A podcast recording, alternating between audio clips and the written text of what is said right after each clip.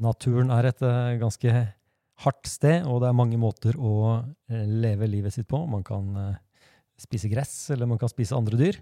I dag skal vi snakke om noen organismer som har valgt kanskje den minst sympatiske løsningen, nemlig parasitter. Velkommen til Evolusjonsprat. Jeg heter Jens Andreas Huseby og er atferdsbiolog. Med meg har jeg Håvard Engdahl, arkeolog. Tomate Naustad, atferdsbiolog. Kyrre Vatne, master i evolusjonspsykologi.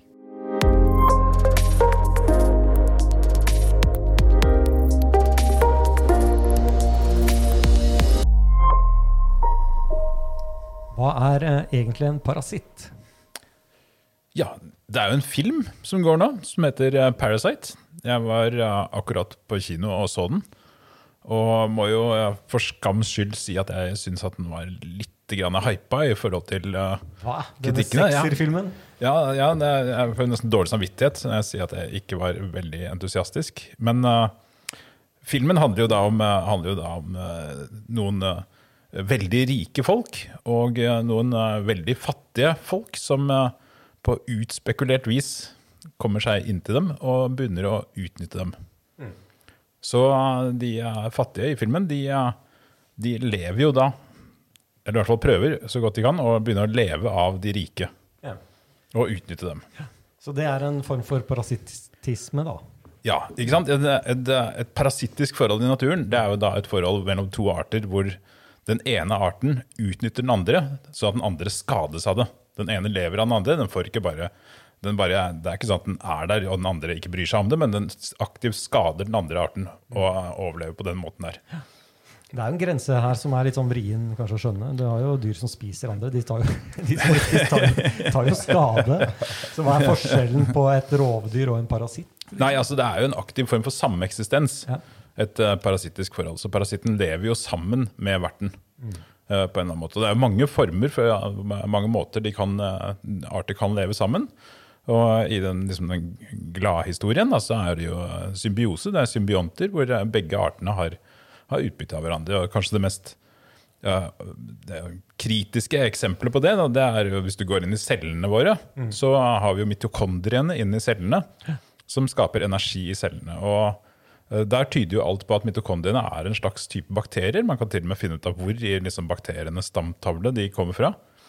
Som eh, har begynt å, ja, for forferdelig lenge siden. Jeg kan ikke si jeg vet akkurat hvor lenge Det er være Ja. milliarder. Ja, flere Ja, eh, ja, eh, begynte å leve inne i cellene og produsere, og etter hvert da fungerte da eh, til å, som en slags energiprodusent i cellene. Og det kan også godt ha begynt som et parasittisk forhold, for alt jeg vet. For at parasittiske forhold som varer veldig lenge, eh, etter hvert så vil jo verten tilpasse seg det forholdet der, så det kan jo da etter hvert skli over til å bli et symbioseforhold. Så hvis vi tenker det store bildet her, det er liksom, du har eh, den store jordkloden og alle mulige måter å leve på. Eh, hva skal du leve av? Eh, vi lærte jo på det, grunnskolen om disse her produsentene og sånt, noe som lever direkte av sollys. eller sånt noe. Og så har du de som kommer litt senere, som trenger å leve. Altså, de kommer ikke i stand fordi de trenger å leve av noe som allerede fins, et liv som allerede fins. At de spiser eh, planter eller spiser andre dyr, eller, eller begynner å leve på andre organismer. Så, eh, så, så parasitter, bare sånn per def, er da dyr som lever sammen. Eh, eller to organismer som lever mer eller mindre sammen. Og, og hvor den ene eh, utnytter den andre Mm. på en sånn måte at det går utover fitnessen til eh, verten. da. Ja. Og det, ja. en positiv fitnessgevinst for eh, parasitten og en negativ fitnessgevinst for, uh, for verten. Jeg, jeg leste en eh, Det var en, eh, på, eh, en definisjon fra E.O. Wilson om at en, en parasitt er en organisme som spiser andre i enheter mindre enn én. Eh, det, og det er jo ikke helt dekkende, for Det det er- nei, jo det ikke, er jo ikke som vi snakket om Ja, ja. tidligere, det er, ikke, det er ikke bare spising det dreier seg om. Det kan være andre måter å utnytte andre på, men det er en litt morsom måte å si det på. Og, det, i det ligger jo det at du, du vil at verten skal overleve, om enn ikke så kjempelenge i alle tilfeller, så iallfall en stund. Ja. ja, mm. Er det bare dyr som er parasitter? Å nei. Eh, nei, nei, Kom- kom- nei, altså, nei, tenker du på, på andre deler av, eh, av eh, andre typer organismer? Ja. Ja, ja selvfølgelig. Det fins jo overalt. Mm. Eh, og sopper, f.eks. Det er utrolig, mye, utrolig mange sopper som er eh, parasitter. Jeg vet ikke, om det er, vet ikke om det er mesteparten av sopper, men i hvert fall en stor del av sopper kan leve som parasitter. Fotsopp kan vel være et eksempel. Ja, Men det er også veldig veldig mange arter som lever på, på planter og trær, f.eks. Mm. Altså tjuker, og, som også uh, kan drepe vertene sine. Eh, så, og, og noen sopper som, som også kan leve på levende vesener. Når de fleste hører om parasitter, så tenker de jo på kanskje litt stygge, store dyr som kriver og kravler og åler seg rundt i kroppene til mennesker. Eh, har vi noen eksempler på, på de? Det er jo, um, det er jo Altså, parasitter er jo ekstremt utbredt Mm. uh, i, i naturen. Um, og et, eh, i en bok jeg leste for ikke så lenge siden, så, så snakker de om en eh, papegøyeart i Mexico. Og den har, den har da 30 forskjellige arter middarter som bor bare på fjærene dens. Eh, og, og de, eh, den midden har igjen parasitter. Og de parasittene har også parasitter. Så det er- Tredjegradsparasitter. ja, eh, og, og det er jo, det er jo eh, Sånn sett er det jo ikke så rart at dette også gjelder mennesker. At, eh, men, men, men i vårt hygieniske og gjennommedisinerte samfunn så er vi jo blitt kvitt de fleste av dem, i hvert fall i industriland. Så vi, vi stifter jo ikke så mye bekjentskap med parasitter sånn til daglig. Selv om selvfølgelig man skal ikke skru klokka så mye tilbake før eh, lopper og lus var store problemer. Midd har vi jo fortsatt. Um, og så er det jo selvfølgelig, er det selvfølgelig uh, Malaria er jo en, uh, en stor uh, Hva skal man si? et stort problem for menneskeheten. Ja, fordi Når man hører ordet mal- malaria, så tenker jo de fleste sykdom. Ja. Så hva er, hva er forholdet mellom altså sykdom og parasitter? Hva er noe På, på, på sånn, de fleste hverdagslige måter å tenke på sykdom på, så er det, er det, er det meste parasitter. Ja, Malaria er jo et litt morsomt eksempel, fordi der har du jo egentlig en parasitt i en parasitt. Fordi mygg parasitterer jo mennesker Ja, Ved å spise blod. ved, å, ved å drikke blod. Og, og så har du da den, uh, den parasitten som faktisk bærer malariainfeksjonen, som er en parasitt i myggen igjen. Um, Så det er ikke sånn at myggen smitter oss fordi den eh, vil, på en måte. nei, den gjør bare jobben sin. Ja, som den har fått i oppdrag av parasitten som den selv eh, bærer på.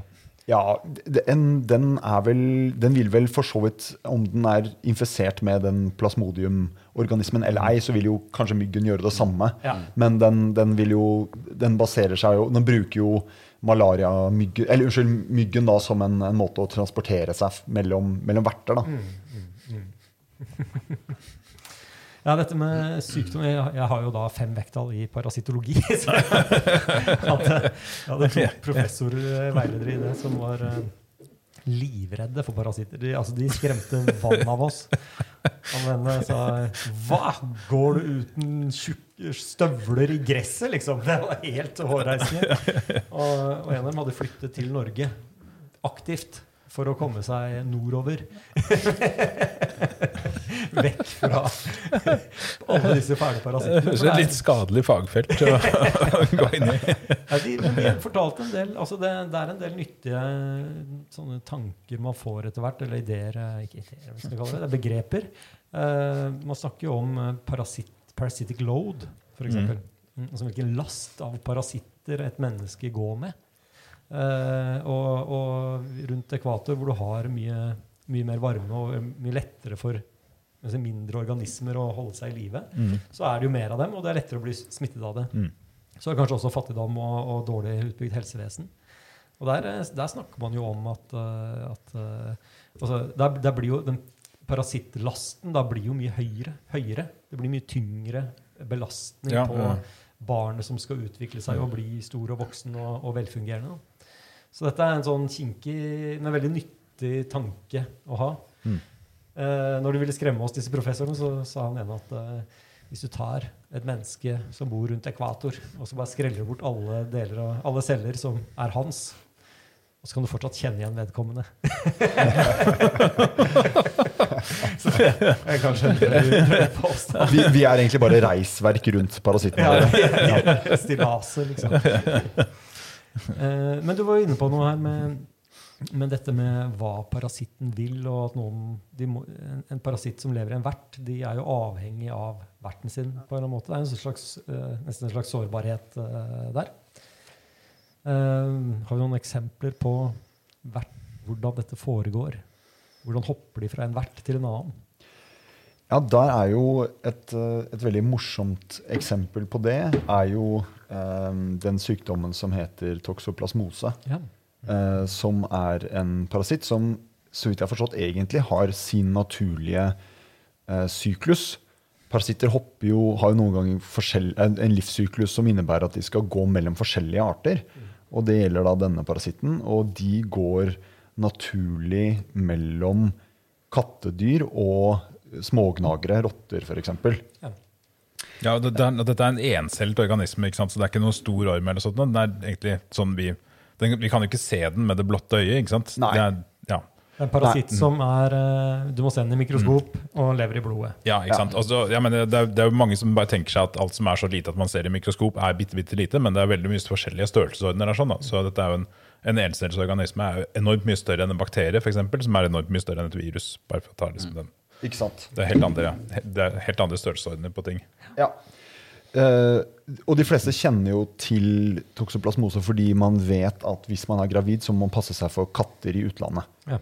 Um, og det skyldes jo da at eh, hvis eh, Så for, for mennesker som ikke er gravide, så klarer vi å håndtere denne parasitten ganske greit. Får vi den inn i oss, så, så kapsler vi den inn i noen sånne syster, og så blir den på en måte nøytralisert av immunforsvaret vårt. Så det er en organisme som eh, lever i blodet til kattene, og så får vi den i oss hvis vi eh, lever nære kattene. Da. Ja, og det er jo egentlig litt en sånn feil, tror jeg, fra, fra parasittens eh, side. Den vil egentlig ikke ende opp i mennesker, men, men kan gjøre det, da. Um, det som, men det som er litt morsomt når man, når man ser på hvordan, hvordan den, uh, dens livssyklus er sånn i utgangspunktet, så er det jo Og det er jo et eksempel på at parasitter kan ha uh, det, noen ganger er, det er nesten litt som å lese om sånn seriemordere som legger sånne infernalske feller for ofrene sine. For det er, kan være ekstremt uh, brutale mekanismer. Men den, den, den parasitten er, er da i blodet på katter, som du sier. Og så kommer den inn i avføringen til de kattene etter hvert. Og så er det noen mus som, eh, som får eh, parasitten i seg derfra. Fordi de roter rundt og spiser litt på, på kanskje katteavføring.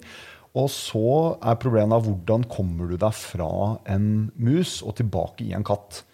Og et problem parasitten da har, er jo at mus er jo ikke spesielt begeistret for katter. Nei, så de er flinke til Um, å komme seg unna katter. Det, så vidt jeg har skjønt, så er mus eh, Jeg tror de er genetisk primet på å få helt panikk når de lukter katteurin. Selv om de aldri har vært utsatt for eh, noe katt i det hele tatt. De er, de er instinktivt livredde for katter, selvfølgelig.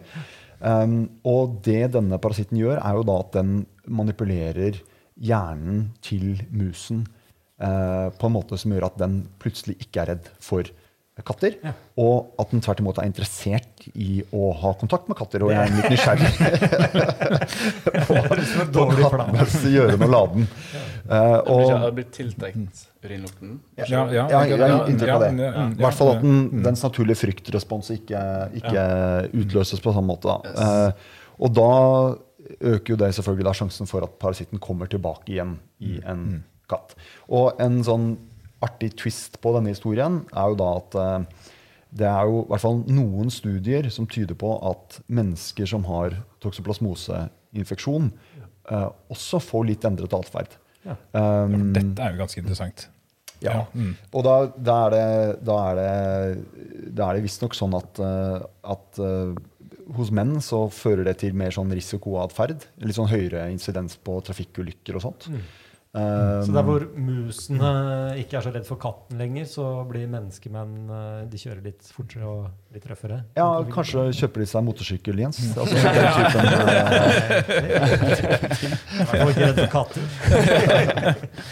Mens, eh, mens da hos kvinner så, så visstnok så er, er det noe som da gir mer sånn at de, er, de blir mer utadvendte og mindre skeptisk til å, å henvende seg til fremmede. da. Så, så det, det kan Men til fremmede katter. Ja, ja. Sikkert altså. Så, så det er, eh, det er jeg, jeg vet ikke akkurat hvor um, jeg, jeg tror nok noe av det, denne forskningen er litt sånn preliminær, men, men uh, det er i hvert fall en, en ganske artig mulighet at, at dette er en parasitt som også kan påvirke hjernen til mennesker. Mennesker. Så vi kan være påvirket av eh, organismer som vi ikke ser, som vi ikke kjenner til, til å oppføre oss annerledes, til å føle oss annerledes, til å gjøre ting som vi ellers ikke ville gjort. Bare det er jo en ganske røff tanke for, eh, for Ja, de og jeg mener, det, som, det som gjør dette virkelig interessant, da, det er jo at doxoplasmose toksoplasmose er ekstremt vanlig. Ja. Fordi mange mange mennesker har katter, og veldig mange mennesker blir smittet av toksoplasmose. Og, uh, og det er også ganske forskjellige nivåer med hvor mange som er smittet i hvert land. Jeg tror Frankrike er det 80 eller noe sånt. Nå. Uh, og med kanskje 30 på verdensbasis eller noe, som er smittet av toksoplasmose. Kan man se noen sammenheng i hvordan da på spekulere helt høyt, altså nasjonalt nivå, hvor det er mange som har det, oppfører disse an, har en annen kultur? Du ser de liksom? gule vestene igjen. så er det, Hva slags spørsmål er det der? Det er klart, ja. eh, Frankrike, vi prater jo om Frankrike. Men eh, nei, eh, nei, det er faktisk blitt foreslått at det kan ha Jeg vet ikke hvor seriøst dette er, sånn her, altså, men, men, eh, men eh, det er blitt foreslått at, eh, at man kan kanskje trekke likhetstegn mellom eh, trekke i hvert fall tråder mellom eh, graden av toksoplasmoseinfeksjon I, en, eh, som fører til altså, i et ja, i et land og, og, og ting som skjer på nasjonalt plan. Da. Nasjonal utvikling. Det er en veldig interessant mm. sak, eh, dette med at eh, parasitter som havner i en kropp, de trenger å komme seg ut. Og, og for å gjøre det, så kan det hende at de påvirker verten til å gjøre noe den ellers ikke ville gjort. Eh, og vi kjenner jo, vi, vi som har studert dette, vi, vi kjenner jo til mange eksempler på det. Det er jo noen berømte saker fra en snail eller noe sånt. Men uh, Håvard, du fortalte en veldig bra historie om en, om en maur. Ja, ja, ja, for dette, dette er jo en uh, ekstremt interessant, interessant parasitt. En, en sopp som heter cordyceps. Det er, det er veldig mange arter. Og cordyceps det er jo da en, en parasittisk sopp. Og jeg var på biologiekskursjon for mange år siden. Mm. og da var vi ute i skogen og skulle finne insektarter. Og eh, så jeg lette rundt overalt for å se nå er det nye typer som jeg ikke hadde klart å samle før. Og så la jeg merke til et insekt som satt på et, eh, på et lite blåbærblad. Altså midt på, blad, midt på det lille blåbærbladet så satt et insekt, og det hadde hvite streker på bakkroppen. Så jeg tenkte, hva i all verden er dette for noe? Og så så jeg nærmere på det, og så skjønte jeg hva det var for noe. For at det var eh, Det insektet det var jo faktisk en skogsmaur som satt der sånn og holdt seg krampaktig fast på på den blåbærbladet. Og de hvite strekene på bakkroppen, det var ikke hvite streker. Det var en sopp som hadde begynt å vokse inn i bakkroppen og presset fra hverandre platene på bakkroppen. Og begynt å liksom, Fruktlegemet hadde begynt å komme ut av mauren. Og dette har jeg bare funnet et par ganger i Norge, så jeg var, var litt høy på dette. her. Sånn. Men, men uh, syklosporin, uh, nei, nei, cordycepsene, kan også da infisere maur i maurtuer. Og de påvirker dem da til å klatre høyt opp øh, og sette seg fast, hvor fruktlegemet begynner å komme ut av kroppen. Så denne mauren var jo død. Han holdt seg bare fast, var vokst fast egentlig i, Ja, i blitt, bladet. blitt et stillas, da. Ja, ja, han har rett og slett blitt en, sånn, en, en øh, sporestasjon. Da. Ja, blomsterpotte. Ja, ja, ja. Så, så, så, og det fruktlegemet, bare for å forklare hva det var. Hva, hva gjør Nei, fruktlegemet? Fruktlegemet er jo da det, det som hadde kommet til der, nå var jo bare disse hvite klumpene, men, men du ser hos noen andre arter så kommer de jo ut svære, som, svære køller og klumper. Ja. Og der Eh, kommer som- sporene. der kommer sporene som sprer er seg utover alt, ikke sant? Og det er, det er, det er, en liten sånn digresjon her. Da. Det er jo at uh, cordyceps er, er Det er den, de typene sopper som har gjort at man kan implantere organer hos mennesker. Ja. Fordi uh, syklosporin, det der, den første medisinen som gjorde at man kunne undertrykke immunforsvaret, det er jo egentlig isolert fra en sopp som ble funnet på Hardangervidda. Hørte jeg på biologien er isolert i Norge, fra jord i Norge. Yes. Og ja. ja, dette er- bruker selvfølgelig soppen for å komme seg inn i kroppen da, til insektene. Så det er ganske kult. Mm. Så eh, vi har glede av disse parasittene. Ja, ja, ja, de redder liv. Mm. Mm. Ikke insektliv, men uh, Kom på en sånn favoritt eh, Vi begynte med en film her. Eh, Alien. Alien, ja. ja. Det er en bra parasitt. Ja, ja, ja, ja. Hva, hva slags verk lever den i? Kan du kanskje prøve å repro, gjenfortelle livsløpet til alien? Den lever jo inni Det er ganske tradisjonelt livsløp. Da, at du, du har en, eh, en, en slags larve som en legger inn i magen, er det vel? til- Eller ned i luft... Er det ikke det? Legger det ned i Ja, ned i magen, ja, Sånn magesekken. magesekken, Mm, ja. Og så, og så sprenger den seg ut. Den løper rundt. Eh, bra forsvar med syre i blodet. Og, og det vi ikke vet, er jo vet Legger egg. Legger den egget, ja. legger egget. og, og så det som kommer ut da, er det en annen altså livsløp, en slags Ja. en livsform, da. ja. Som da er Som skal finne neste vert. Ja, men det eneste verten da er vel egentlig bare mennesket. Hvordan har den rukket å tilpasse seg mennesker? nei, det var, jeg, tenker, jeg, jeg, jeg, jeg, jeg har mange innsigelser. med det er iblant med frekvensen av eh, romskip som kommer, og ja, mange mer. ja, for det, det er jo en ting hvor, hvor alien krasjer veldig med biologi. Da. Det er jo at ja, Det gjør de mange, bare for å ta det. Ja, ja, ja, ja jo, men, men, men det er jo at parasitter er jo stort sett helt artsspesifikke. Mm. Så, så snyltevepser, da, som er liksom, egentlig kanskje mest utgangspunktet for alien, tenker jeg.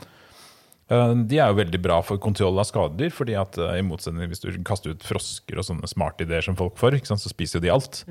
Mens en snylteveps tar jo bare den ene arten. Ja. Så hvis du kan få en snyltevepser, så er det good guys. Vi må innom eh, denne store, hete parasit, parasitten om dagen, det koronaviruset. Og nå er jo litt sånn definisjonsspørsmål. Er et virus om det er en parasitt eller ikke? Eh, den har i hvert fall krysset en artsgrense. Eh, akkurat nå så er vel teorien at den kommer fra flaggermus. Eh, og den, det viruset og en del andre virus som kommer fra Kina, kommer alltid fra disse bondelandene hvor de har si, markeder med masse dyr, og folk lever veldig tett på dyrene.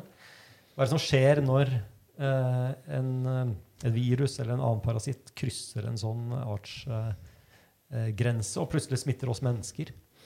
Bare et lite, liten sånn derre eh, Hva skal man si? eh, definisjonsmessig greie først. Ja. Fordi i hvert fall det er noe jeg har tenkt litt på. at jeg tror jo at Koronavirus vil jo ikke sies å være en parasitt Nei. fordi den er et virus. Ja. Uh, men alle disse definisjonene der er jo kokt opp av folk som ikke i utgangspunktet tenker revolusjonært. Nei. Fordi tenker man evolusjonært, så er det jo ikke noe veldig meningsfylt distinksjon mellom et virus som på en måte utnytter andres metabolisme da, til å være Nei, en fungerende sant. organisme. Prinsippet er det samme. Prinsippet er det samme. Det er replikatorkode. Ja. Uh, og, men, men sånn rent strengt teknisk så er det da ikke en, en klassisk parasitt, selvfølgelig. Men det er jo en som, som bruker andre til å komme seg videre her i livet. Ja, ikke sant? For, for et virus er jo, det er jo egentlig et slags molekylær snylteveps, det også. Den, uh, den uh, går jo løs på egentlig bare en mye mer effektiv variant av dem. Altså, den går, tar en bakterie, for eksempel, og så sprøyter den inn sitt eget DNA inn i bakterien og omprogrammere faenskapen til å lage flere virus. Her hører jeg, Jeg mener, en er eh, ny episode hvor ja. vi diskuterer hva som er liv. Jeg, jeg, jeg, jeg er villig til å inkludere virus i uh, i familien med en gang. Og jeg inkluderer datavirus, Ja. så derfor bare vent vi Ja. Eh, Men, men jeg avbrøt deg fordi du sa at eh, et, den krysser artsbarrieren var der du var. Ja, Så hva, hva er det som skjer? Altså, hvorfor, en ting er hvorfor, hvorfor får vi alle disse sykdommene fra, fra Kina, og, og hvorfor, har det, hvorfor har det opphav i, i disse dyremarkedene? Noen som vil eh, plukke opp den ballen? Det er jo litt, det er jo litt interessant eh, det at eh, altså kontrasten mellom nye virus og gamle virus. Ja. For eh, vi er jo vant til Det er jo mange tradisjonelle influensavirus. Og det er mange forkjølelsesvirus osv. Og, så videre. og de er jo ganske snille og greie. Og så kommer disse nye virusene. Ja, og da blir jo eh, forskerne bekymret. Ja, og, men eh, dette her, dette synes jeg, jeg alltid syns dette har vært veldig fascinerende. Du har liksom den årlige influensaen. Hvem, kommer det mønsteret? Er det, det, det høres Det er influensanissen som sitter der. Men sånn som, eh, som den beste måten grepet jeg har om det, i hvert fall, det, det er vel at antall interaksjoner mellom dyr og, og mennesker er såpass høy i dette området her. Det er veldig veldig mange mennesker som bor veldig veldig tett på dyrene. Mm. Uh, og disse dyrene uh, har parasitter, virus, uh, eller virus da, i influensasammenheng, som, som av og til, med veldig veldig liten sjanse, men fordi antall mennesker og antall interaksjoner er så høyt, så av og til så har du en eller annen mutasjon som smetter over på mennesket. Ja, du har jo absolutt alle tenkelige interaksjoner mellom dyr og mennesker i en sånn sammenheng som det er, vil jeg tenke meg. Ja. Og så må jo da dette spre seg i et voldsomt tempo fordi folk lever tett osv. ut fra disse kjerneområdene hvor, som smitter hele verden hvert år. Ja, ikke sant? Og, og, og det som skjer jo, det er jo da at ok, i utgangspunktet så er jo ikke disse her dyresykdommene de er jo ikke tilpasset mennesker. Nei. Så de er jo ikke, i utgangspunktet så er jo ikke de fleste av, av eh, en, et gitt virus vil jo ikke være i stand til å komme inn i et menneske. ikke sant? For det er ikke utstyrt, med, utstyrt molekylært for å eh, angripe oss. Mens hvis du plutselig har en mutant, eller på den ene, den ene eller den andre siden av, av, av artene, som eh, er enten mottakelig eller er i stand til å komme seg inn, Ja. så får du plutselig da inn et virus som er helt nytt evolusjonært for oss. Det betyr at vi har ikke, vi har ikke noen forhistorie med å tilpasse oss det. Og dette er jo samme som skjedde når de hvite kom over til eh, Amerika, f.eks., hvor, eh, hvor det plutselig da utryddet store deler av kontinentet. Til og med en del, det var- det var kultur der som ble utradert allerede før de hvite rakk å komme dit. Ja. Pga. sykdommen de hadde med seg. Og det var fordi at vi har da grodd fram, avlet fram disse sykdommene i Europa. ikke sant? De er endelig etter med en vanvittig tett befolkning og utrolig kjipe, skitne levevilkår. Og så, så når du da tar med deg noe sånt som det er sånn, som vi er tilpasset Vi har hatt en koevolusjonær eh, bakgrunn med disse sykdommene. der sånn. Tar du med deg det over til en annen art, da, sånn som du gjør fra fugler, Ja. Ja. Og, og der har du du dynamitt. Og et stikkord der er jo koevolusjon. Ja, fordi, ikke sant? Ja. Mm. fordi eksempelet ditt fra, fra uh, Sør-Amerika er jo heller ikke til parasittenes og, og virusene og bakterienes gunst. Nei. At befolkningen utslettes. Det er jo veldig kortsiktig. Ja, mm. Så bedre å, å holde gående lenger. Og, og sånn sett så, så er jo det at det at sykdommen er veldig farlig, kan jo da henge sammen med at den er ganske ny for oss. Fordi vi er ikke tilpasset den, men den er heller ikke tilpasset oss. da. Nei, mm, mm. Da vil, jeg, da vil jeg bringe tema, debatten over på zombier. Ja, det var på tide. Ja, ja, mm. Ja, fordi, ikke sant, eh, Vi har så vidt vært innom det med, med sopper og sånt, men, men zombiefilmer er egentlig ganske gode Det er ganske gode, plausible biologiske historier. Veldig overraskende ofte. Uh, Men kunne vi sett for oss at det oppsto et zombievirus i Kina som gjorde alle gale og spredte seg hit? Alle. Og da tenker jeg altså, Definisjonen av en zombie er jo da et virus kommer inn, eller virus eller en parasitt som kommer inn, endrer atferden til det bæreren, så han ikke bryr seg om noe annet enn å gå og smitte noen andre. Mm. Se, og helt gal. Det er det ene som står i huet hans. Eller hennes. Og dermed så blir det to. Og så blir det fire. Og så sitter vi der. Spille ut det scenarioet fra meg fra et marked i Kina? Jeg, vet, altså jeg tenker at menneskehjernen er veldig komplisert. Ja. Så da må det, det viruset være veldig heldig med å treffe akkurat til å bare konsentrere seg om den atferden. Ja. Jeg ser ikke for meg at det er sannsynlig. Så det kan ikke oppstå som en første mutasjon at den har alle disse Nei, egenskapene? nei kanskje hvis det utvikler seg Ja. gradvis. Mm. Så én ting er å komme over i mennesket. Det er, liksom, det er vanskelig nok. Mm, mm. Eh, men så i tillegg ha alle disse andre tingene. Det, det, det skjer ikke med det første. da. Det er mange koblinger man må gjøre i hjernen. Ja, sant. Men bare for å ta en, en veldig sånn ekstremt atferdsendende parasitt, da, disse her cordyceps-soppene. Eh, jeg ble jo eh, egentlig veldig lykkelig når jeg prøvde det fantastiske spillet Last of Us på PlayStation. Ja, det var Som fantastisk. er, ja, det er jo en slags zombieverden. Bare at der er det jo ikke zombier, det er en, eh, en cordyceps-infeksjon. Og de snakker jo om cordyceps der. En sopp. En sopp som har begynt å angripe mennesker. Og hvor du, har, hvor du møter da forskjellige stadier av overgrodde, mer eller mindre overgrodde folk som til slutt mister synet og alt mulig og bare er på jakt etter deg. Og, men uh, forskjellen er sånn at dette er jo i utgangspunktet plausibelt, men, uh, men forskjellen er, er jo at eh, cordyceps i virkeligheten den, har jo ikke, den er jo ikke så avansert. Den får jo ikke insekter til å løpe etter andre insekter for å smitte dem. Men hva den gjør med kroppene til insektene? Den, Nei, den, bare, den får dem bare enten, den, Hvis den gjør noe i det hele tatt, så får de jo stort sett å klatre opp et eller annet høyt sted og sette seg fast der, så den kan ha et bra sted å Å bli spist. Ja, og- Eller- eller spre sporene ja, altså, sine. ja, ja, bare finne et fint sted og dyrke seg selv. Og det kan man se for seg kan være noe sånt som f.eks. at den har, eh, blir mer tiltrukket av lys, eller, mm. eller får bare veldig klatre... Ja, ikke sant? Det er jo ikke så spennende zombiefilm. Liksom. Nei, nei, det er massevis av folk som klatrer opp på høye stativer og sitter der og dør. Men det kan være ganske enkle ja. mekanismer. Ja, på ja, ja, kan man se for seg. ja. Så, nei, men var ikke også en, en hjort eller en gasell, jeg husker ikke hvilke hoveddyr det var, som har, har har det behovet med å bare gå i sirkel hele tida. Bare gå én eller én sving kontinuerlig. Klarer ikke å Og det er ganske zombifisert. Ja. Til et rådyr kommer og spiser det. Ja, Så det er en parasitt som skal inn i Ja, jeg antar at det er syklusen må gjennom via predatoren. da. Mm. Jeg husker ikke, ja. Jeg har hørt, eh, det var en, eh, jeg skrev en liten artikkel, populærvitenskapelig artikkel om, eh, parasitter og, og, og sånn tidligere. Eller helt klart om zombier. og akkurat da, var det, eller den uka, så var det en rapport om en, eh, om en jente i en eller annen afrikansk eh, landsby som de hadde måttet binde fast i en stolpe. Eh, og hun var blitt helt gal. Hun ville bare bite folk. Mm. Eh, og så eh, etter hvert så kommer det jo fram at man sannsynligvis så er det en eller annen strain av rabies. Mm. Og rabies eh, ligner veldig på denne eh, hva skal jeg si, eh, zombie-atferden. Mm.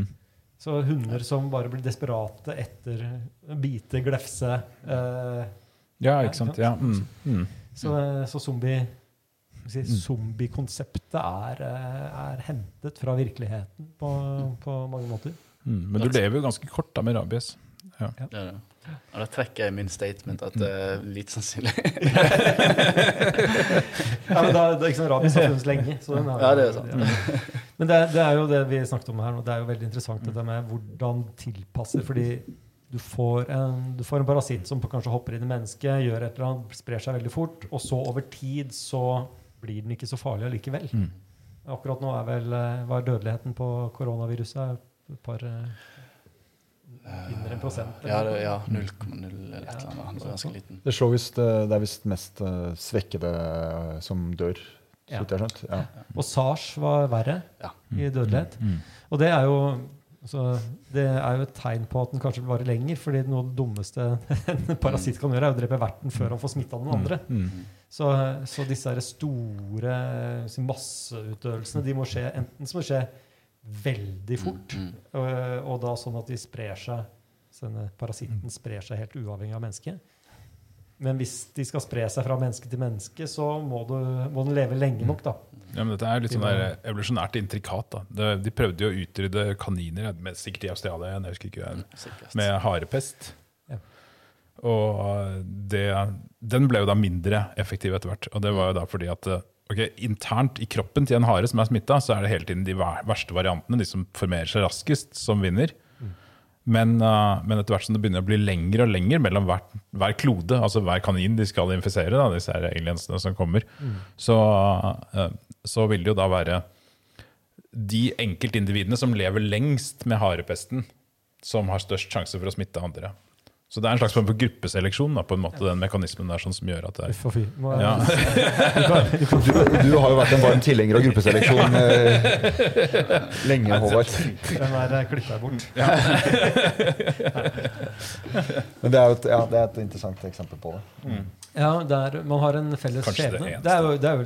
Man sitter jo i samme båt. Altså dette, dette skade, dette, skadelige organismen og verten sitter jo faktisk i samme båt Ja, i, mm. i stor grad. Og har felles skjebne. Men dette skjedde jo da etter hvert som det begynte å bli såpass få kaniner igjen. da vet du at det begynte å bli langt mellom dem. Ja. Så, ja, så lenge befolkningstettheten er høy, så får Ja, du ikke noe, får du ikke noe Hvis du ser på omstendigheter. sykdomsutbredelse Mm. og sånt, så uh, kan sånne sykdommer Mm. dø ut av seg selv bare fordi den dreper alle sammen. Eh, som alle de som bor tett på hverandre. Ja, mm, Og dermed kan du også kanskje ha sykdommer som driver fram mindre sosiale mm. verter, f.eks. Ja, Ja, ja. Mm, det blir mer Mm. solitært. Hvordan var det med svartedauden? Du er arkeologen her, eh, Håvard. Nå ble jeg litt nysgjerrig. Gjorde, gjorde svartedauden noe sånt nå? At eh, de byene døde Uh, jo, det er et jævlig interessant spørsmål som jeg har egentlig lyst til å jobbe med profesjonelt. Uh, hvordan svartedauden påvirket atferd. Ja. Men det påvirket jo i hvert fall veldig mye renslighetsnormer og sånne ting. Ja. Uh, vi fant jo På en av utgangene så fant jeg en merkelig treenstand, og det var en, en sko en, eh, en sånn, eh, en, som heter en eh, patin. En, det er en slags tresko med sånn høye stylter på. okay. Som du begynte med på 1400-tallet, etter svartedauden. Som de, da gjorde at de var, kunne heve seg over all møkka på bakken. Da, at du gikk på stylter nærmest når du gikk omkring.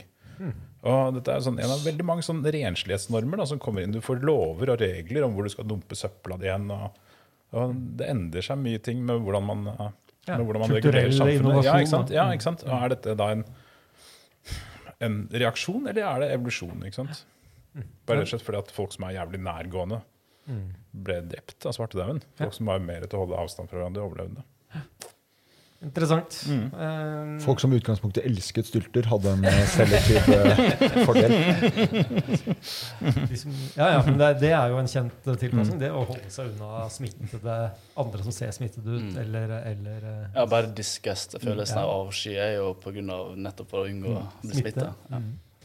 Så, og det er jo en, bare, der, er- der har vi en kobling mellom det, dette med parasitter og, og sykdom. Da. Dette med smitte er jo nøkkelen her. Det, da får du en organisme i deg fra, fra en annen Mm. bærer. Det Atferd som er en forsvarsmekanisme. Ja. Og det vet Vi jo ganske mye. bare Vi kan jo følge den litt til. fordi det med disgust og avsky det er jo noe man Det er så naturlig for oss at vi legger ikke merke til det. Men hva er det vi vet egentlig om disse Hvordan er forsvaret vårt mot å omgås syke mennesker?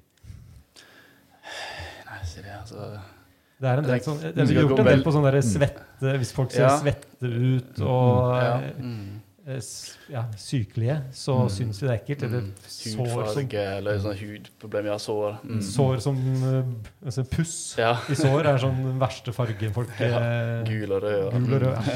mm. Og, og det, er jo, det er jo litt morsomt også det at vi er intuitive mikrobiologer. Ja. Så lenge før det fantes noe sånn eh, så germ theory for eh, sykdom, Mm. så visste jo folk at ekle ting og at ting som hadde vært i kontakt med ekle ting, var ekkelt. Ja. Um, Men de kunne ikke sette ord på hvorfor. de kunne ikke sette ord på hvorfor. Men, eh, men, og vi syns jo selvfølgelig vi synes avføring er ekkelt, det lukter vondt. Og grunnen til det er jo selvfølgelig at det er veldig mye bakterier. Ja. Men det og, vet og vi de jo som ikke. hadde den eh, følelsen, de uh, er ikke her lenger. Nei, mm. Eller etterkommerne deres. Nei, altså, nei, akkurat det der tror jeg har vært enormt sterkt i svartedauden. Den, den uh, seleksjonspressen Og der. Sånn. 50% så strøk meg i Europa. Ja, altså, ja, nei, ja, det kan ha vært så mye som to tredjedeler. Ja, da er det stor Eh, seleksjonspress. Ja, mm, ja, og ikke sant, så det smitter jo bare altså Pestbakterien da, den er jo så Når du leser om hva den gjør i kroppen til folk, det er en horror story. Den begynner jo med å formere seg inni de hvite blodleggene dine, bare, som bare for bare Bare å vise fingeren totalt, liksom. Uh, og deretter så kjører den jo over alt som er. Og uh, hvis du får lungepestutgaven, altså så du slipper å ha det vondt så lenge, så fylles jo lungene dine helt skjematisk time for time opp med bakterier helt til de er helt fulle, og du dør. Og du kan klokke det liksom på minuttet omtrent hvor lang, tid, hvor lang levealder du har igjen. Det tar et døgn. Og er fullstendig dødelig. Og selv hvis du får antibiotika i dag, så bør du ha det tidlig for å overleve det.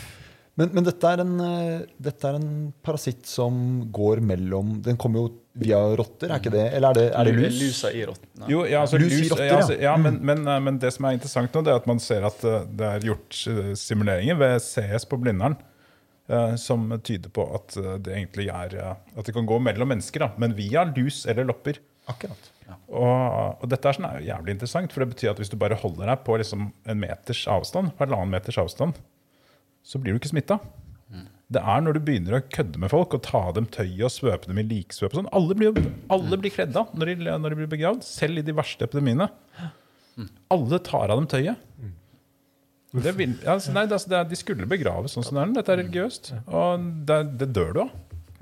Du Av dør av å bære folk, du dør av å bære folk til graven. Ikke sant? Du dør av å ta av tøyet. Og tar du på deg tøyet, så er du ferdig. Så det er klart det. De som var litt sånn der «Åh, Ja. Særingene, de overlevde. Så du har hatt et sinnssykt seleksjonspress for Hypokondere. Nei, ja, Ikke rart. Ja. ja, Hver gang du ser noen si det, ja, ja, ja, så vet så har du en survivor. Ja, ja, Er det mot, litt motintervju? ja, ikke sant. Klemmerne. De, eh, De er borte. de er borte. Ja.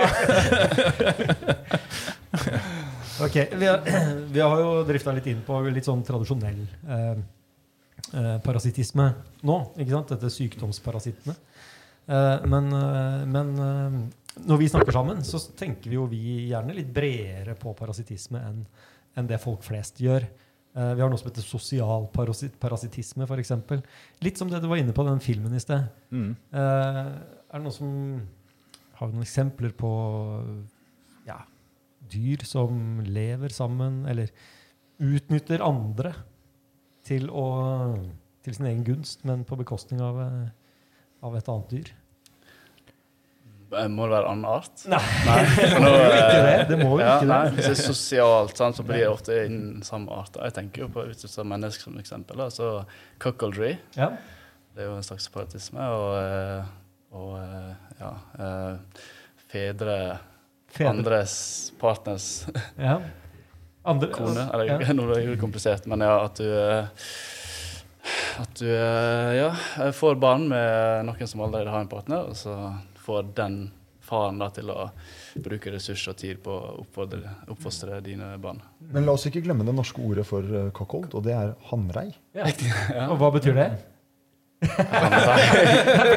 jeg Cockhold er jo interessant, fordi det må jo Har det noe med gjøk Gjøk og Så eh, jeg vet ikke om Hanrei var hvor det kom fra. Men, men, men med gjøkunge er jo et klassisk eksempel på en, eh, en sosial parasitt. Mm.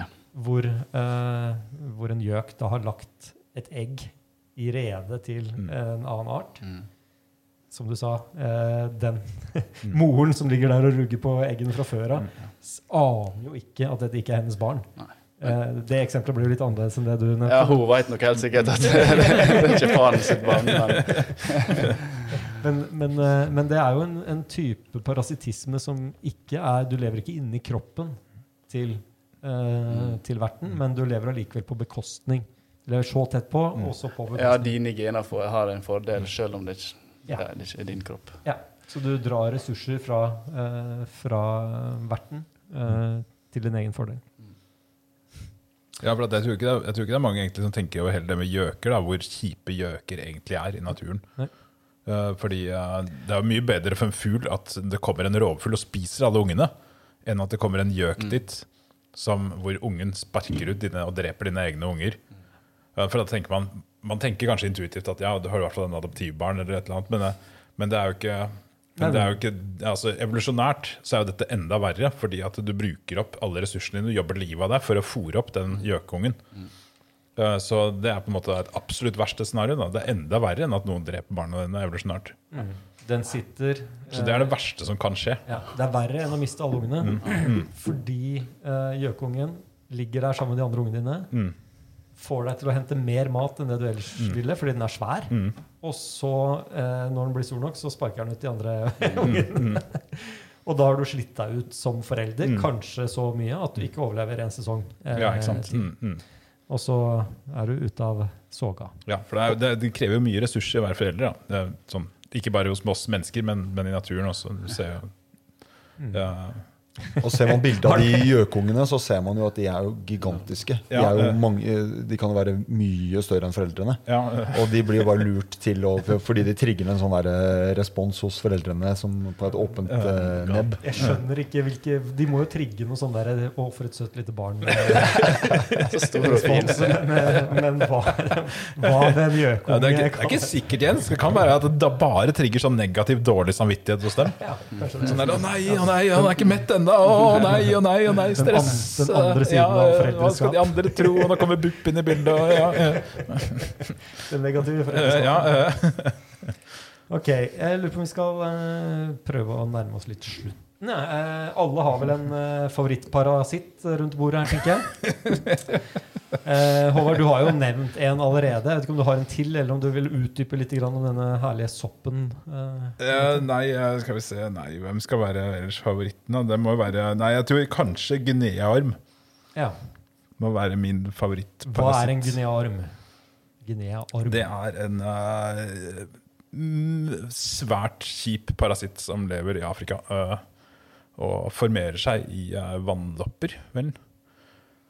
Og eh, når man da drikker vann med disse vannloppene i, eh, så får man i seg eggene til parasitten. kommer inn i kroppen din, når de begynner å, hvor de begynner å bli voksne Overlever de mage... ja, ja, De graver seg ut gjennom magen og tarmene dine og begynner å komme ut i kroppen. Så de lever liksom i, i rommet mellom organene. Og så begynner de å I hvert fall hunnparasitten, som er større enn hannene, begynner å migrere nedover i benet ditt. Og det er akkurat så vondt som det høres ut som. Uh, for at den spiser seg vei da, ned i benet ditt. Og når den kommer ned i foten, så uh, titter den ut. Og hver gang du eh, da Den lager en blemme der nede, og titter ut, og hver gang du er nede i vann, så spruter den ut egg. Sånn at du infiserer mer vann. Hundretusenvis av egg, da. Ja. Herlig. Circle of life. Ja. Hvorfor er det ikke en film om dette dyret? eh, du får typisk flere av dem på en gang. Så du har flere sånne små blemmer da nede på føttene hvor det titter ut en liten arm. Og, men du kan heldigvis trekke den ut. Den uh, blir vel uh, opptil uh, 60-100 cm lang, den uh, hundparasitten. Så opptil en meter, da. Og er sånn tynn som en spagetti cirka. Så du kan, uh, du kan trekke den ut, rundt, eh, vikle den opp rundt en fyrstikk. Dette tar typisk et par uker da, å få den helt ut. Så du får tak i den, Du får tak i den. Og så trer den på en fyrstikk Ja, og så bare vikler du og vikler og vikler vikler. vikler, så da går du rundt med en fyrstikk på foten med Ja, og Den bør helst ikke dø underveis, for den, eh, da kan den, den døde ormen kan skape masse problemer i kroppen din. Så, ja. på, jeg, har allerede satt av meg en favorittsnutt, nei, favorittparasitt, men det minner meg jo på vet dere, disse bendelormene. Ja, Folk ja. veit jo ikke hvor kjipe de er. De har sånne kroker. De sitter jo fast inni tarmene med kjipe kroker. Og har sånn, nesten sånn dispenserkropp hvor du legger, klipper av sånne ledd som følger med ut med avføringen. Det er ganske, ganske kjipe dyr, ja. Ja, min Bestemor fortalte en gang at hun hadde en niese eller noe som hadde hatt sånn bendelorm og bæsja den ut. Ja, Sikkert hele, etter å ha tatt, sikkert, ja, Hun sa det var en bøtte full. ja. Nemlig. For de blir lange. Ja, eh, ja, de, blir- ja. Men det er litt, jeg, jeg blir, når du forteller om den Guinea-ormen, så, så er det jo um, Det er noe med at for en sånn orm så er jo uh, et menneske dens naturlige miljø. Så for den så er det jo litt som å ja, være i en skog. Ja, mm, hvor man ja. bare eh, spiser litt på noen blader her, og, på en måte, og så jammen kommer man til vannet og kanskje Ja, litt uti der. ja. Og det at dette er et, en annen organisme, det er jo på en måte Ja, ja. Det er bare, nei, det er bare miljøet, det. Den Ja, ja. deilige følelsen den får når den kommer inn i en kropp. Den bare svømmer. Er. Den har jo orgasme hver gang du går i vannet. Ja, ja. Nei. ja. Men, eh, men eh, det er en interessant ting med Guinea-armen. og det er at Den er, den er menneskespesifikk. Det var i hvert fall det, det, det, Jeg så akkurat at jeg hadde funnet at det var på noen flere arter. Men, men eh, det virker som den har evolvert spesifikt hos mennesker da, gjennom flere millioner år. Og dette er jo jævlig interessant, fordi at f.eks. for eksempel sjimpanser er jo ikke nede i vannet hele tiden. Så, så den er jo da plutselig da et vindu til vår evolusjonære forhistorie. da. Vi har vært mye ute i, vann- vi har vært masse ute i vann, mye mer enn det som har vært sunt, for å klare å, å evolvere fram og danne miljø for at en sånn organisme som den er, skal trives hos oss. Gjennom lang, lang, lang, lang tid. Millioner av år. Interessant. Det var en bra favorittparasitt. Det er nesten utryddet. da, nesten utryddet. 28 tilfeller hos mennesker i fjor. eller noe sånt. nå. Ok. Og dette er typisk sånn 2018. der, eh, Verdens helseorganisasjon Ja, ja, ja. Oi, sann. Men, eh, men, men, den, eh, men av mye krig De hadde jo nesten utryddet den helt, men pga. mye krig og greier, så er, det ikke, så er den på vei tilbake igjen. da. Ja. Kyrre, har du noe som matcher denne herlige organismen? Altså, jeg Min eh, favorittparasitt er en loppe Ja. som lever på harer. Eh, og den har et ganske smart eh, opplegg. Eh, fordi eh, den, den kan plukke opp hvis, de, hvis den sitter på en hund, så kan den plukke opp når hun er i ferd med å føde. Ja. Ok. For den, den, eh, den, den, den lever da på huden til haren, så jeg antar at den plukker opp noen hormoner eller noe sånt som er forbundet med fødsel. Og det den da gjør, er at den migrerer til ansiktet til haremammaen. Okay. Og når hun da begynner å slikke hare, de nyfødte hareungene, så hopper den over til de nyfødte ungene. Og bosetter seg da i huden til ungene. Og kjipt. den store fordelen da er at en nyfødt hareunge kan ikke vaske seg selv. Nei. Så den blir, den blir vasket av moren, men det er mye sjeldnere enn det en, en voksen hare vasker seg. Um, så, det, så der kan de trives og få barn og kose seg og suge blod av uh, harungene. Ja. Og så, men så, da, så er den da fortsatt liksom i kontakt med den moren og merker når hun blir gravid igjen. For da hopper de tilbake til moren for å være med på en ny runde med et nytt kull. Ja. Um, så det, det syns jeg var en litt sånn koselig historie. Det var fin. Litt en eh, tøff nøtt for kreasjonister, den der greia der. Jeg, jeg må flagge med en gang at eh, jeg har byttet favorittparasitt flere ganger, så jeg trenger sannsynligvis hjelp til å komme på hva de heter. Men det Ja, okay, ja, ja, ja. det. Men det, men det du sier akkurat der, er jo litt det der med kreasjonister. fordi i, en, i eh, den eh, boken jeg leste om parasitter, så snakker han om at eh, da de først oppdaget parasitter, så ble det et lite problem for religiøse. Fordi de ble litt sånn Ok, men ble Adam skapt med parasitter? Eller har de kommet inn etterpå? Eller hvordan? Det var liksom, det var sånn der, eh, det passer ikke kjempegodt inn i den der, eh, en kjærlig gud som har skapt alle apene. Men det, det er et godt poeng. Altså, husker, har du sett det YouTube-klippet hvor han eh, Han briten han, eh, heter han? han eh, Ja, jeg vet hva du mener. Steve Fry. Sti- Ja, Ja, Ja. stemmer. hvor han snakker med en, eh, en kristen eh, eh, journalist eller et eller annet sånt noe. Og hvor han eh, forteller om eh, hvorfor han ikke tror på en gud. Og eksempelet han trekker opp, er jo den derre Det er jo en eller annen parasitt da, som lever inni øyeeplet på små barn og gjør dem blinde for livet. Og stiller jeg det retoriske spørsmålet What's that about? Så det er jo et problem. Altså, Hvilken, hvilken, hvilken dag var det han tok disse tingene her på? Det er en av de syv dagene. Er det den sjette? Eller han gjorde det sikkert sammen med alle de andre bilene. Skal han ha creds for en søte søt dagen derpå. Det Ja, der. ja. Ja, ja så skal han ha creds for alle søte, fine ting. Som en søt kanin, som han også har creds for uh, parasitten. Ja, Som leser på, på kaninen. kaninen. Ja. Som er utrolig velskapt til å gjøre så mye dritt. Intelligent uh, designer. Yes. Uh, ok, da har jeg funnet min uh, Har du en eh, favoritt? eh, Ja. Yes, ja, Eh, det er På latin er det leip... Nå, nå slakter jeg sikkert navnet. Leicochloridium. Grønnbåndet broodsack. Og du var inne på det, det med den, den sneglen Ja. som eh, har eh, får sånne øyne som blir helt eh, sånn diskokule. Så, men når du ser det på YouTube, kan det jeg å sjekke YouTube, for det ser ut som sneglene, altså på øyestilkene, så ser det ut som to larver som kryper. Det er sånn pulserende farge som ser faktisk ut som larver. Og grunnen til at det er min favoritt, er at det er så obvious eh, hva den parasitten prøver å gjøre. Eh, det er altså en, en eh, parasittisk eh, flatorm som, eh, som eh, sneglen har plukka opp med å spise egga. Mm. Og så ja, klekkes den der inne og sprer seg utover. Og så eh, får eh, manipulerer sneglen til å klatre igjen ut i, i åpent eh, eh, terreng, så, sånn at eh, den er lett synlig for fuglen, fuglene. Eh, og så på- og så er det på, kun på dagtid disse eh, øyestilkene pulserer, og så ser det ut som larver.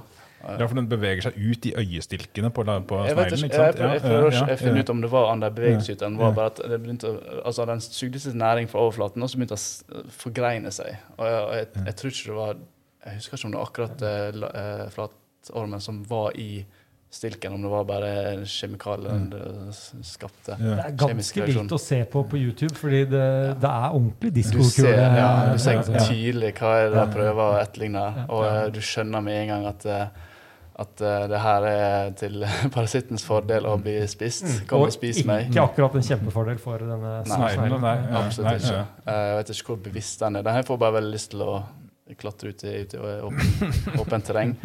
Og så eh, spiser da fuglene de eh, øyestilkene, og så um, Skal vi se Og så forplanter de seg i fuglen, og så legger egg, og så skiter de ut av egget, og så spiser sneglene egget, da det er circle of life. Ja. Ja, ja. ja, for jeg sitter og tenker på det, er- det er en sånn ting med eh, det er mange parasitter som har mye mer kompliserte livssykluser enn det der også, med liksom tre, fire, fem forskjellige stadier med forskjellige organismer. Eh, og alle stadiene ser helt vilt forskjellige ut. og Noen av, disse her, noen av parasittene har jo endeløst med, med Det er jo sånn er zoologi, eh, grunnfag, mareritt.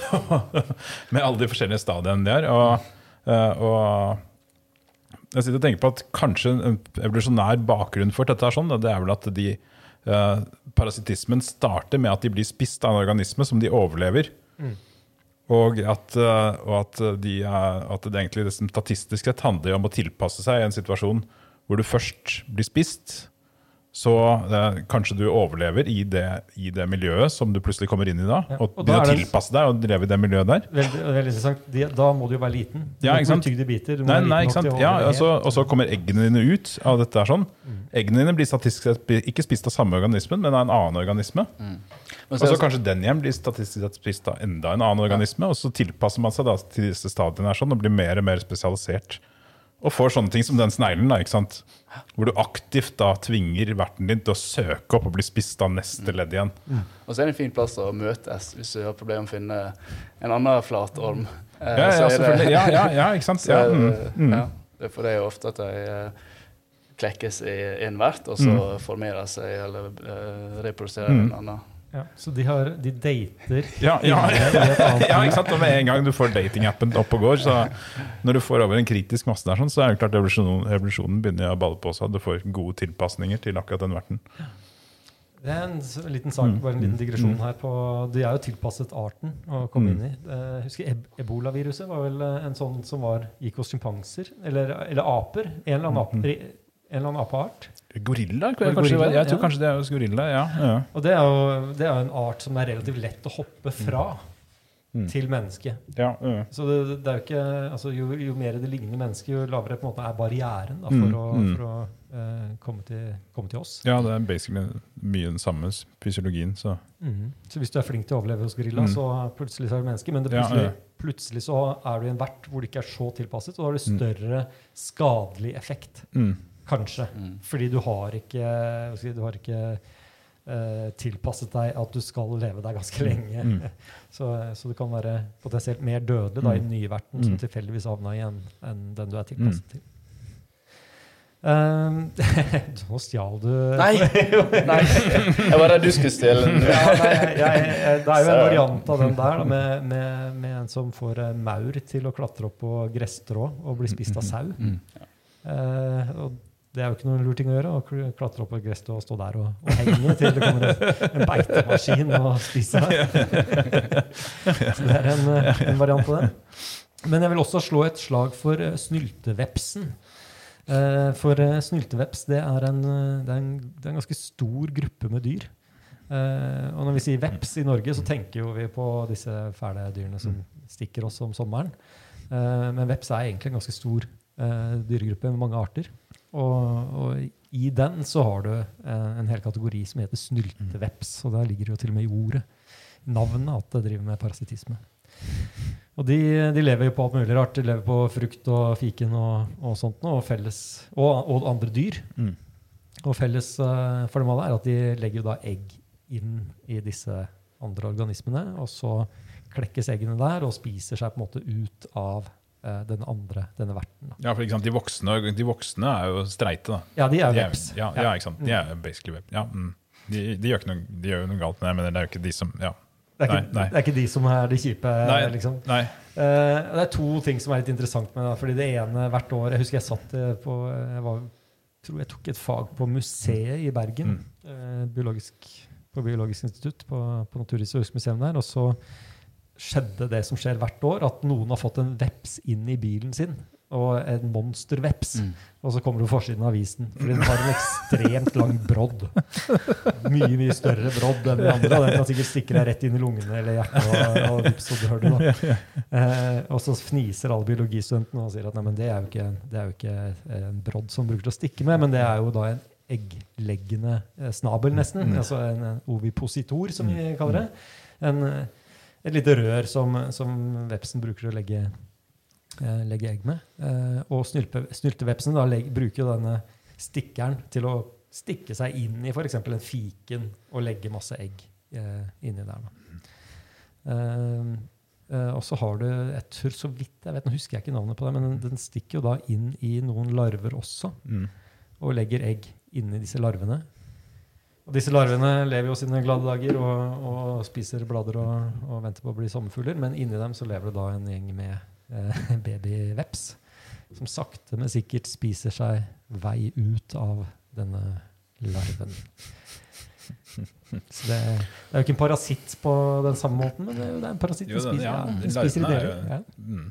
Det er jo et slags arketypisk parasitt, på en måte. Ja, men- spiser opp hele verten, egentlig. I biter. Ja, mm. Men vi er litt tilbake da vi startet. Hva er forskjellen ja, det er en alien, alien er der, men, men også hva er forskjellen på å spise et dyr, altså være en predator, og det å være en parasitt? ja, ikke sant? Det er bare, dette er jo egentlig bare en predator som gjør det innmari sakte. Ja.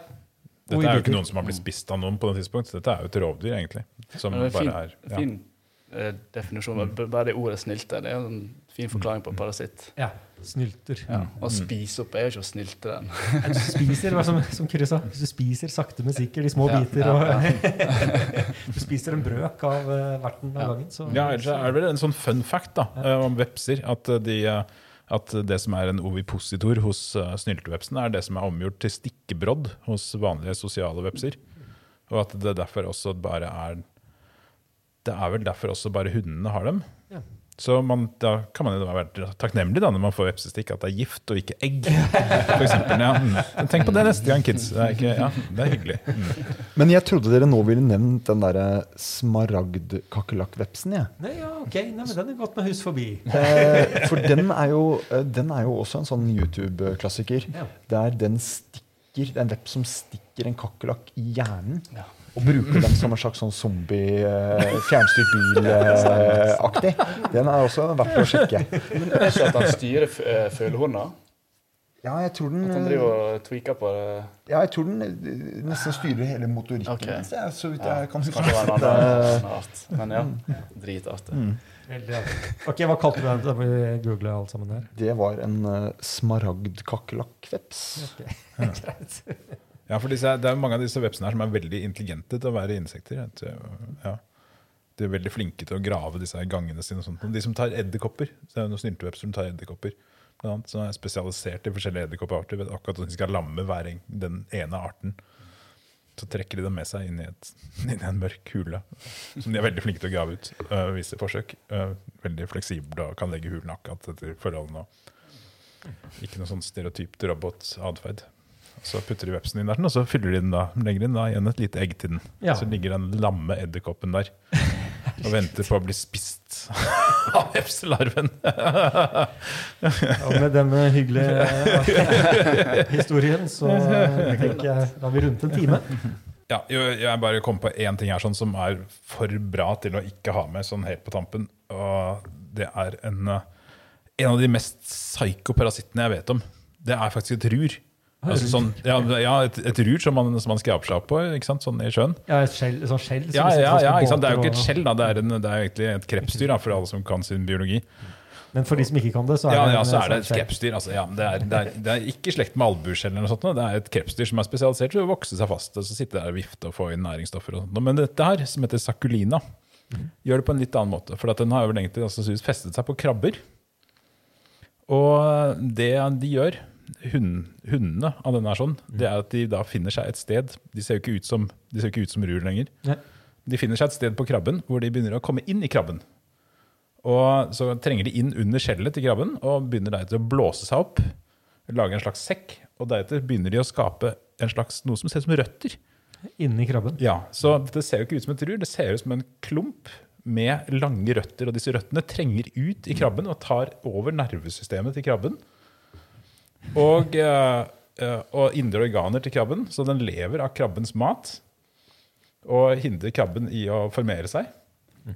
Tilbakedanner forplantningsorganene og bruker da krabben bare egentlig bare som et skall som går omkring og skaffer næring. Og, eh, og deretter så kan de formere, så formerer de seg. Hannene er bitte, bitte små, da, som kommer altså, trenger de inn i eggsekken til hundene, som stikker av ut av krabben. Så dette her er ganske psycho. For den er altså noe som egentlig er et krepsdyr, er omdannet bare til en slags til en alien, da. Altså, Ja, basically. en Altså, en, robot, ja, en en klump med, med, med, med røtter som skal trenge ut i kroppen. Ja.